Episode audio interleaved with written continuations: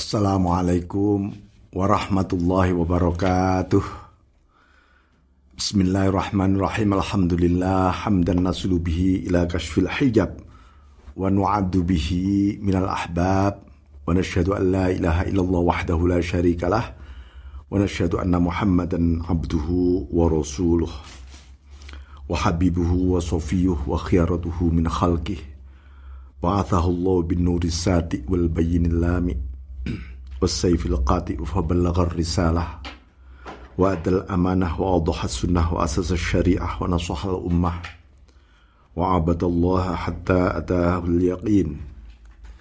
اللهم صل على سيدنا محمد عبدك ونبيك ورسولك النبي الأمي وعلى آله وصحبه وسلم. تسليما بقدر عظمة ذاتك في كل وقت وحين. أما بعد. Qala Rasulullah sallallahu alaihi wasallam Ahibbullah lima yaghzukum bihi min ni'amih wa hibbuni li hubbillah wa hibbu ahla baiti li hubbi. Cintailah Allah karena Allah telah memberimu banyak kecukupan lahir batin dari nikmat-nikmatnya Allah ya jadi uh, apa ya tidak ada sebenarnya alasan kita ini untuk tidak mencintai Allah. Allah itu sebenarnya sudah memberikan fasilitas apa saja kepada kita. Lahir dan batin cuman kita tidak pernah menyiapkan diri untuk menerimanya. Itu loh. Uh, dilanjut Cintailah aku karena cinta kepada Allah. Bahkan mencintai Nabi pun. Cintailah aku kata Nabi. Karena cintamu kepada Allah. Jadi maksudnya orang yang mencintai Allah pasti mencintai Nabi. Orang yang mencintai Nabi dengan sebenarnya pastilah pastilah karena cintanya kepada Allah Subhanahu wa taala. Bagaimana dia tidak mencintai nabinya ketika dia mencintai Allah? Karena kita bisa mencintai Allah sebenarnya karena syafaatnya Nabi yang menjadi kekasihnya Allah. Ya, maka sampai Allah uh, apa memerintahkan kita, diperintahkan betul kita ini bersolawat kepada Nabi semata karena solawatnya Allah kepada sang Nabi ini. Jadi ketika kita bersolawat kepada Nabi, sebenarnya kita pun sedang disiram oleh solawatnya Allah. Berkah kanjeng Nabi Sallallahu Alaihi Wasallam.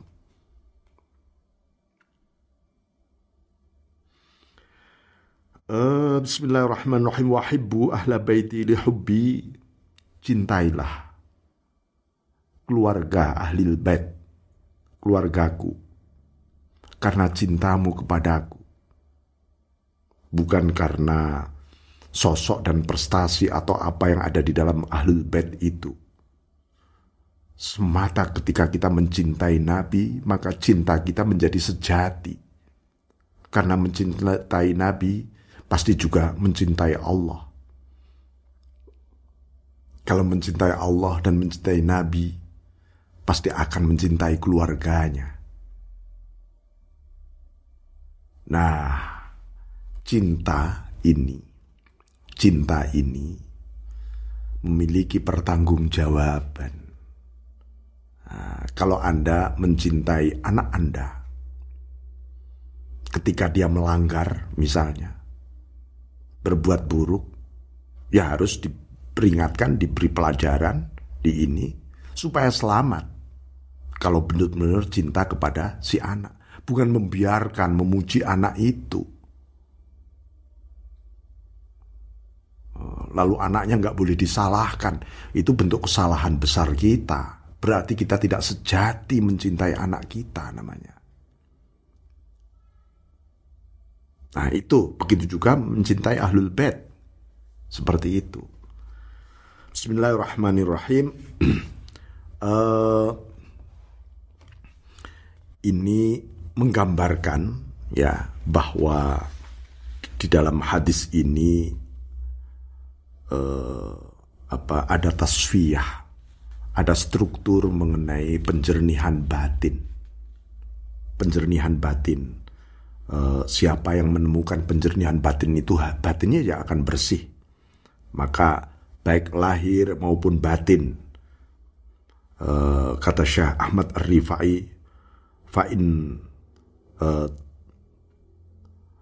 fa'an tusofya kulliyataka. Hendaknya engkau uh, membersihkan seluruh dirimu, lahir batin itu min adnasin nafsi wal khalqi wad dunya. Dari apa ya kotoran-kotoran makhluk kotoran-kotoran diri kemudian kotoran makhluk pengaruh-pengaruh makhluk dan pengaruh dunia. Di dalam hati kita ini harus dibersihkan diistighfari terus ditobati terus. Ya. Nah itu dari segi lahiriah dari segi batinnya apa? Kita bersihkan keseluruhanmu bersihkanlah Pantu Sofia. Kulliyatak min ghubari ru'yatil a'mal. Dari debu-debu melihat amal. Orang senang melihat amalnya itu seperti berdebu sebenarnya. Seperti berdebu batinnya. Maka apalagi tolabul awad al-amal mencari minta ganti rugi kepada Allah atas amalnya Tuhan. Pahalaku mana? Kan aku sudah melakukan ini dan itu. Namanya tolabul awad tandanya Anda tidak ikhlas. Masih nagih Gusti Allah. Anda kayak debt kolektor saja. Ya. Wal iltifat minhu ila masiwah dan kita mulai berpaling dari selain Allah. Itu bentuk apa kotoran di dalam batin yang harus dibersihkan. Maka di sinilah satu hal yang disebutkan bahwa Rasulullah SAW juga bersabda ala inna awani Allah fil ardi hiyal qulub. Ingatlah bahwa sesungguhnya wadah ya, awan itu wadah wadah itu artinya tempat bersemai. Tapi tempat ini hanyalah metafor ya bukan berbentuk. Wadah-wadahnya Allah di muka bumi ini adalah hati. Ya, tentu adalah hati orang beriman. Fahabul awani ilallah ta'ala asfaha wa aslabuha wa. Yang paling uh, dicintai wadahnya Allah itu yang bagaimana? Ya, yang paling bersih tentu saja, paling bagus, paling jernih. Nah, itu Uh, maksudnya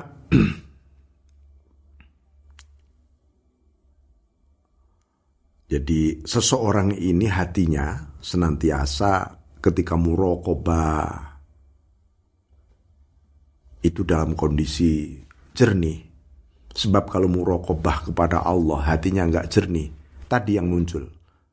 Isinya ngungkit ngungkit Gusti Allah Tuhan saya kan sudah berbuat begini begitu mana buktinya? Loh itu loh. Itu tanda-tanda hati kita memang sedang tidak bersih sebenarnya nah itu.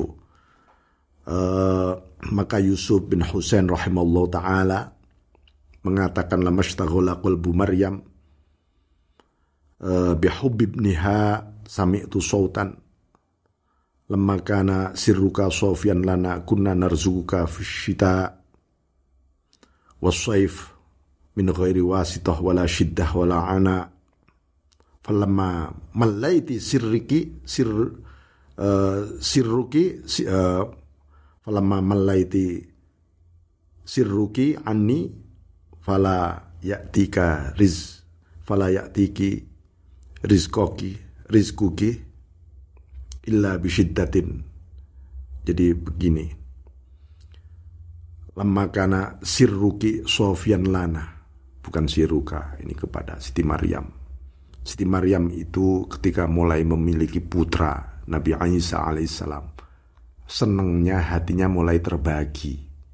Ya mulai terbagi. Namanya seorang ibu. Ya. Tapi ketika hatinya mulai terbagi uh, ketika sebelum terbagi dulu sebelum punya putra hatinya untuk Allah saja. Apa saja oleh Allah dicukupi ma'idatam minas sama seluruh sajian-sajian dari langit itu datang dengan sendirinya. Dicukupi semua oleh Allah. Nah, ketika mulai terbagi hatinya, maka muncul kata kata Siti Maryam, sami'atu sautan. Aku mendengar sebuah suara.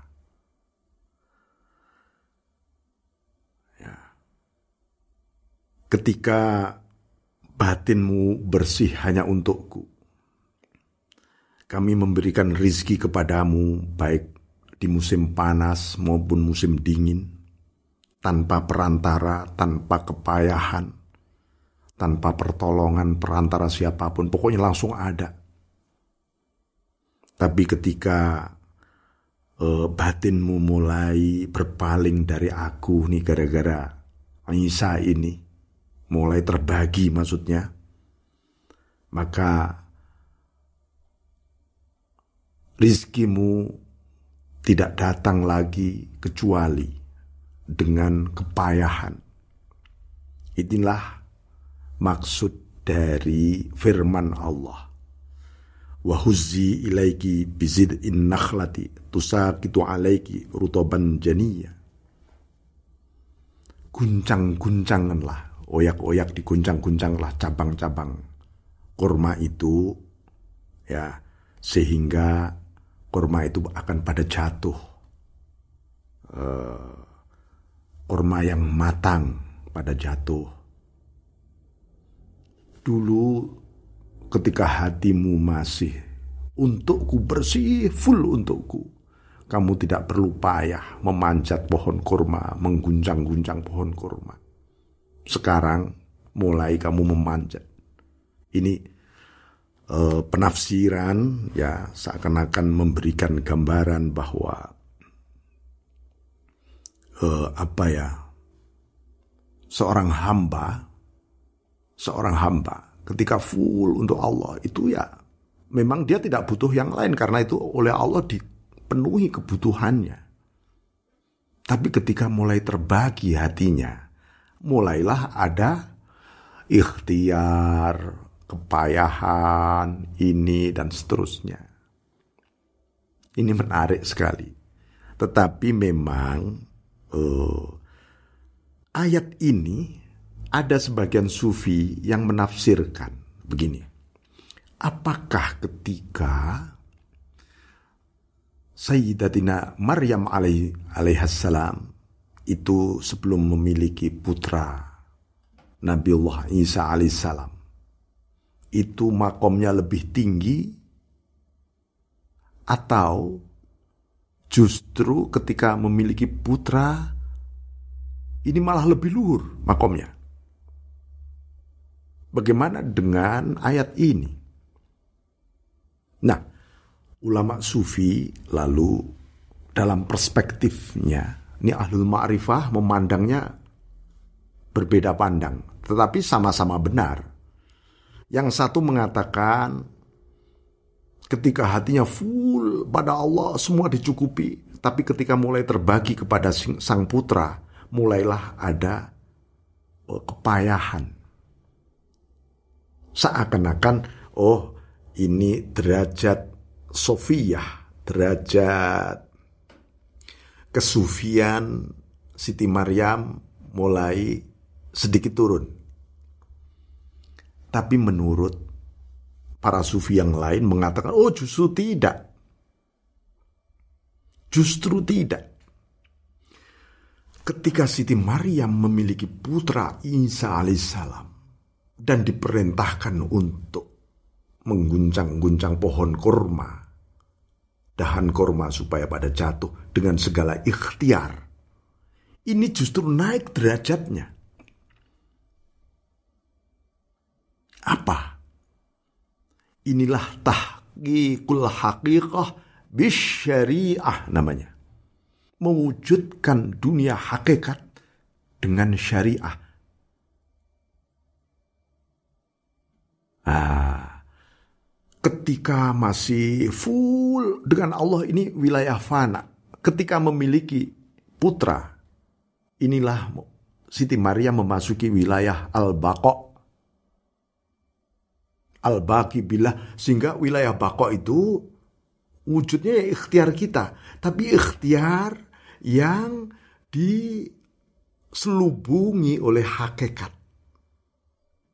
Hakikatnya adalah semua ini darimu Allah engkau memerintahkan ini perintah memenuhi perintahmu ini lebih aku cintai dari jatuhnya pohon kurma ini eh Ya benar jatuhnya buah kurma kok pohon kurma. Maaf. Nah itu ya. Itu bedanya orang yang bersyariat saja tanpa hakikat dengan orang yang mewujudkan hakikat dalam manifestasi syariah. Ini pelajaran yang sangat agung tentu saja. Ketika kita berikhtiar, bersyariah namanya berikhtiar itu. Pandanglah ikhtiarmu ini karena sedang mendapat dorongan cahaya nur anugerah dari Allah.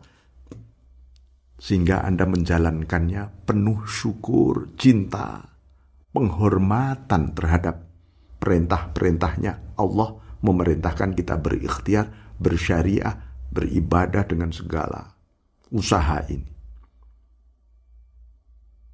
Nah itu kalau hakikoh menimbulkan syariah. Tapi kalau syariah mencari-cari hakikat, abot, berat, Tuhan, kapan Tuhan, aku sudah melakukan ini, kapan Tuhan, eh, gitu saja nanti jadinya.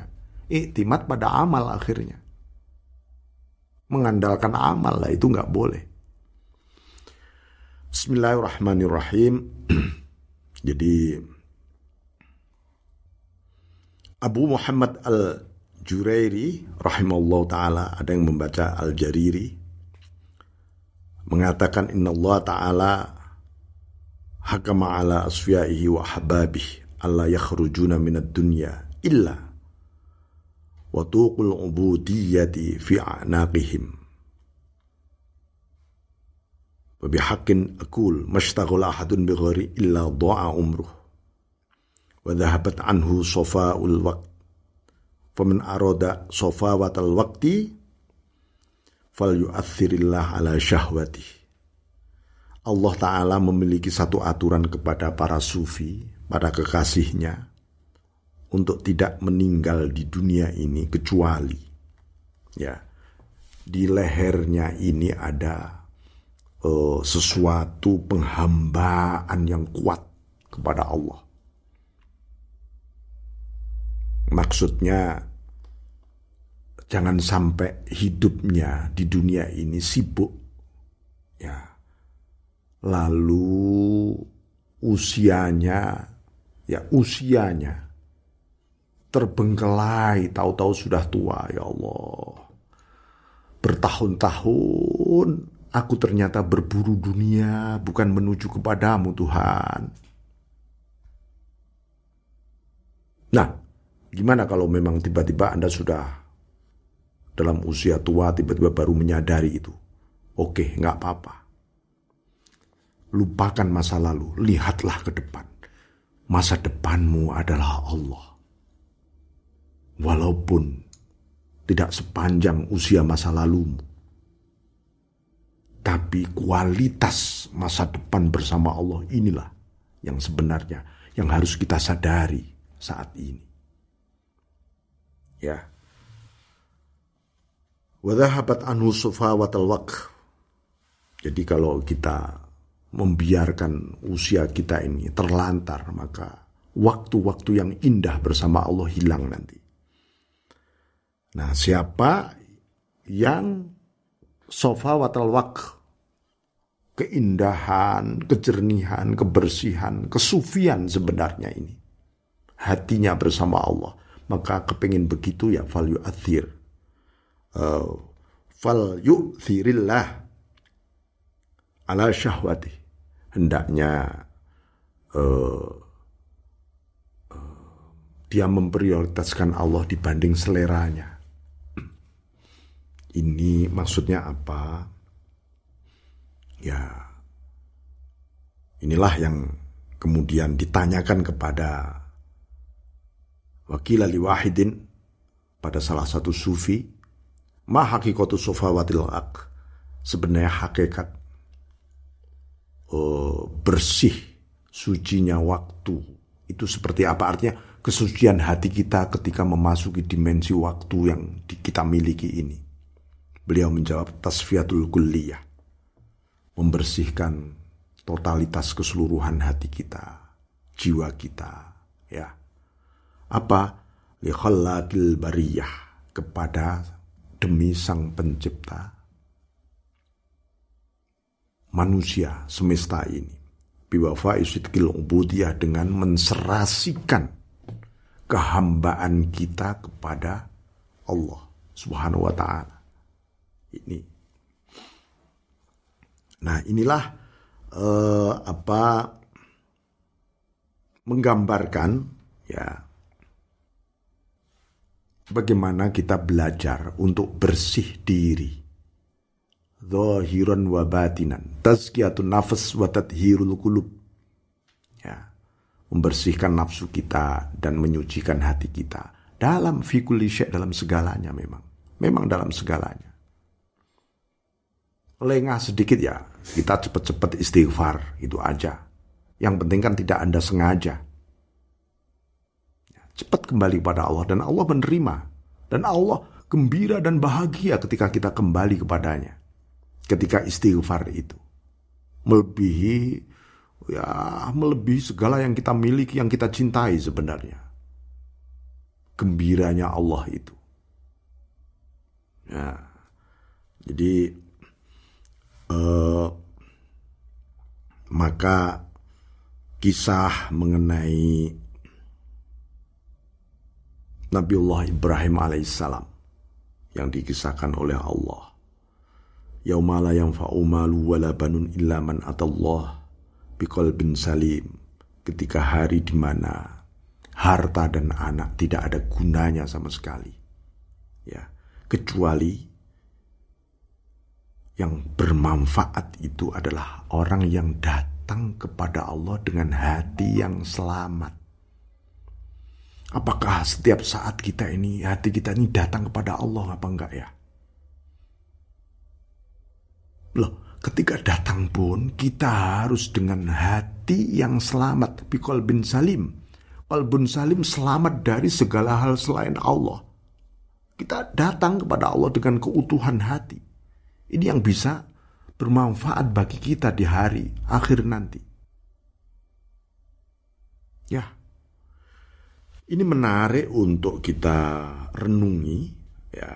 Karena itu Zunnun al-Misri mengatakan innallaha ibadan yablughuna fi daratis fi darajatis sofa maqaman uh, taqau fi firasatahum ala sirrin nas fa'rifuna su'ada min al-ashqiya yakhtassu birahmatihi man yasha min ibadi. Jadi memang Allah ada hamba-hambanya yang sampai pada derajat asfia, orang-orang yang hatinya jernih betul. Artinya jernih dari seluruh kotoran. Ini yang membuat hati kita jadi selamat. Qalbun salim hati yang selamat itu begitu. Ya. Nah, karena itu Allah berfirman, "Yakhtassu birahmatihi may yasha." Allah memberikan rahmat kepada secara khusus kepada hamba-hamba yang dikehendaki. Artinya kalau Allah menghendaki rahmatnya kepada diturunkan pada hambanya, hambanya menjadi berikhtiar untuk bersih diri, jiwa, hati, ruhaniah ini. Sampai selamat hatinya. Itu indikatornya begitu, ya. Jadi uh, apa? ah, gambarannya seperti itu ya. Jadi uh, hakikat sofa sekarang, hakikat kebersihan, kesufian boleh disebut begitu. Itu apa sebenarnya? Wa haqiqatu sofa at-takhalluq bi khuluqil mustafa wal iqtida bi ashabih aula uh, uli sidki wal wafa wal inqita ilal malikil a'la. Pertama ini banyak hal metode pembersihan diri adalah berakhlak dengan akhlaknya Nabi. Karena akhlaknya Nabi itu Quran semuanya isinya. Jadi akhlak itu ya bukan sopan santun ini, ini bukan. Seluruh Al-Quran itu loh akhlak ajaran tentang akhlak dan itu terekspresi dari pribadi Rasulullah Shallallahu Alaihi Wasallam yang harus kita teladani. Akhlak lahir, akhlak batin. Akhlak batin namanya adab. Adabani Rabbi, kata Nabi. Allah mendidikku adab nih dalam batinnya. Lalu tumbuh makarimul akhlak di situ nanti wal iktida bi ashabihi uli sidki wal wafa mengikuti para sahabat-sahabat Nabi yang memiliki oh apa keserasian oh apa kebenaran oh, keteguhan yang berserasi dengan kanjeng Nabi maupun dengan Allah mereka adalah para ulama al-muhtadin para ulama-ulama billah warathatul anbiya para sahabat ada sejumlah sahabat. Ya, jumlah sahabat Nabi kan ribuan, tapi kan yang di situ mulai meriwayatkan hadis, memberi teladan, memberi ini dan seterusnya. Itu yang harus kita ikuti. Wal kita malikil ala. Lalu memutuskan diri hati kita kepada al malikul ala. Kepada Allah yang maha luhur. Hatiku padamu Tuhan. Hatiku ini untukmu. Maka puasa Ramadan itu salah satu pelatihan kita untuk bisa membangun hati kita agar untukmu. Puasa itu untukku, kata Allah. Ya oke, kalau begitu hati kita ini harus untuknya. Lebek ya Allah, ya ya Allah. Kami datang hatiku untukmu. Nah, jadi ini adalah hakikat sofa hakikatu sofa turhul qalbi ala bisalil imtinan wa istiqamati sirri wa istiqamati sirri ma'al malikid dayan. Hakikat pembersihan hati itu ya melemparkan hati kita di hamparan anugerah. Lalu kita isinya syukur aja kepada Allah ya Allah aku melihat segalanya ini kok anugerahmu Tuhan. Apa saja anugerahmu? Lalu meneguhkan batin ini bersama Allah. Ya Allah, aku jangan sampai lepas darimu Allah. Mohon Allah, mohon. Nah itu. Ada lagi wakila sidkul iftiqar ma'a dawamil ittirar wa tarikul ikhtiar ma'a husnil intidhar. Terus menerus butuh pada Allah ma'adami dawamil iddiror hatinya serasa merasa terdesak. Terdesak itu apa? Orang terdesak itu pasti butuh. Butuh pertolongan. Jangan sampai hati kita tidak butuh pertolongannya Allah. Dan itu terus kita jaga. Watarkil ikhtiar meninggalkan sejumlah pilihan. Pilihan dirinya. Dia melakukan apa saja pilihannya terserah Allah semua sudah wa yakhtar yakhluq ma yasha wa Allah menciptakan dan memilihkan. Ya sudah pilihannya terserah engkau Allah. Ma'a husnil intizor dengan menunggu yang bagus. Di dunia ini kan kita menunggu. Menunggu sebuah pertemuan dengan Allah. Tapi harus dengan menunggu Bismillahirrahmanirrahim. Wa qila fana'ul kulliyah tahta kamalil qudrah wa tayranil himmah bi asnihati syauk nahwa rabbil nahwa rabbil izzah. Uh, total kita fana atas keparipurnaan kudrohnya Allah. Jangan sampai kita menganggap takdirnya Allah ini tidak sempurna. Mungkin Anda merasa tidak puas. Ayo cepat tobat ya Allah. Astaghfirullahaladzim sempurna engkau Allah. Bahwa Anda mohon sesuatu yang lebih lebih bagus harus.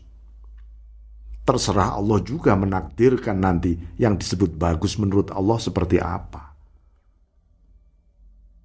Itu ya. Makanya menghadap Allah itu jangan ngototan. Jangan seperti orang ngejan ya. Nanti lama-lama kita memaksa Tuhan mengikuti selera Anda. Nah itu. Jadi ini hijratus sir ilallah minal maratib wa darajat wal firar ilallah minal manazil wal maqamat. Tadi disebutkan kita lalu terbang biasnya hatil himmah, biasnya uh, biasnya hati syauk.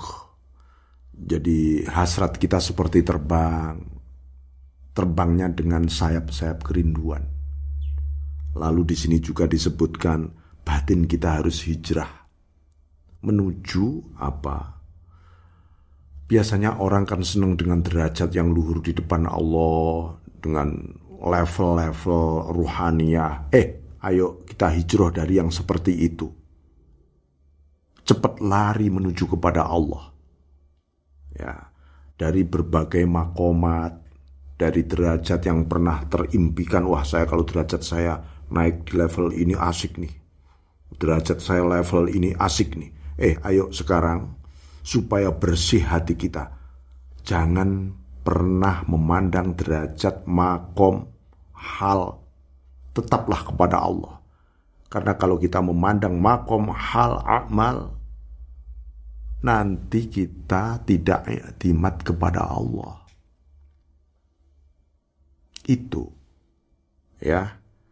Jadi jadi akhirnya apa ya kita memang harus uh, menjauhi klaim-klaim nafsu kita ini loh. Itu semua kan klaim-klaim nafsu kita. Kepuasan-kepuasan nafsu itu. Kepuasan nafsu. Jadi uh, apa Nah, kita malah memohon dorongan ruhaniah, roh kita itulah yang dorongan roh itu hanya menuju kepada Allah. Ya.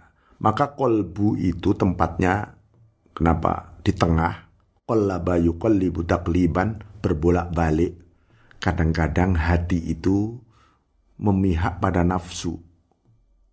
Kalau memihak pada nafsu nanti hati diseret mengikuti selera nafsu. Kadang-kadang berbalik memihak kepada roh. Roh mengajak hati ini kepada Allah saja. Itu roh. Kepada kebenaran hakiki. Roh itu. Nah, maka kalau hati kita bersih, suci, nafsu malah mengikuti roh nanti. Lalu naiklah nafsu ini menuju semangat, hasrat, menuju kepada Allah patuh betul. Wa ikhmati sifatil basyariyah wa tahta sifatil rububiyah. Meredamkan sifat-sifat manusiawi, kewajaran-kewajaran manusiawi, alasan-alasan manusiawi yang kadang bergolak berkobar dimatikan dengan memandang keagungan kebesaran sifat-sifat ketuhanan. Nah, itu ya saudara sekalian uh, soal tasfiyah ini tadi. Walafu minkum wallahu muwaffiq Assalamualaikum warahmatullahi wabarakatuh.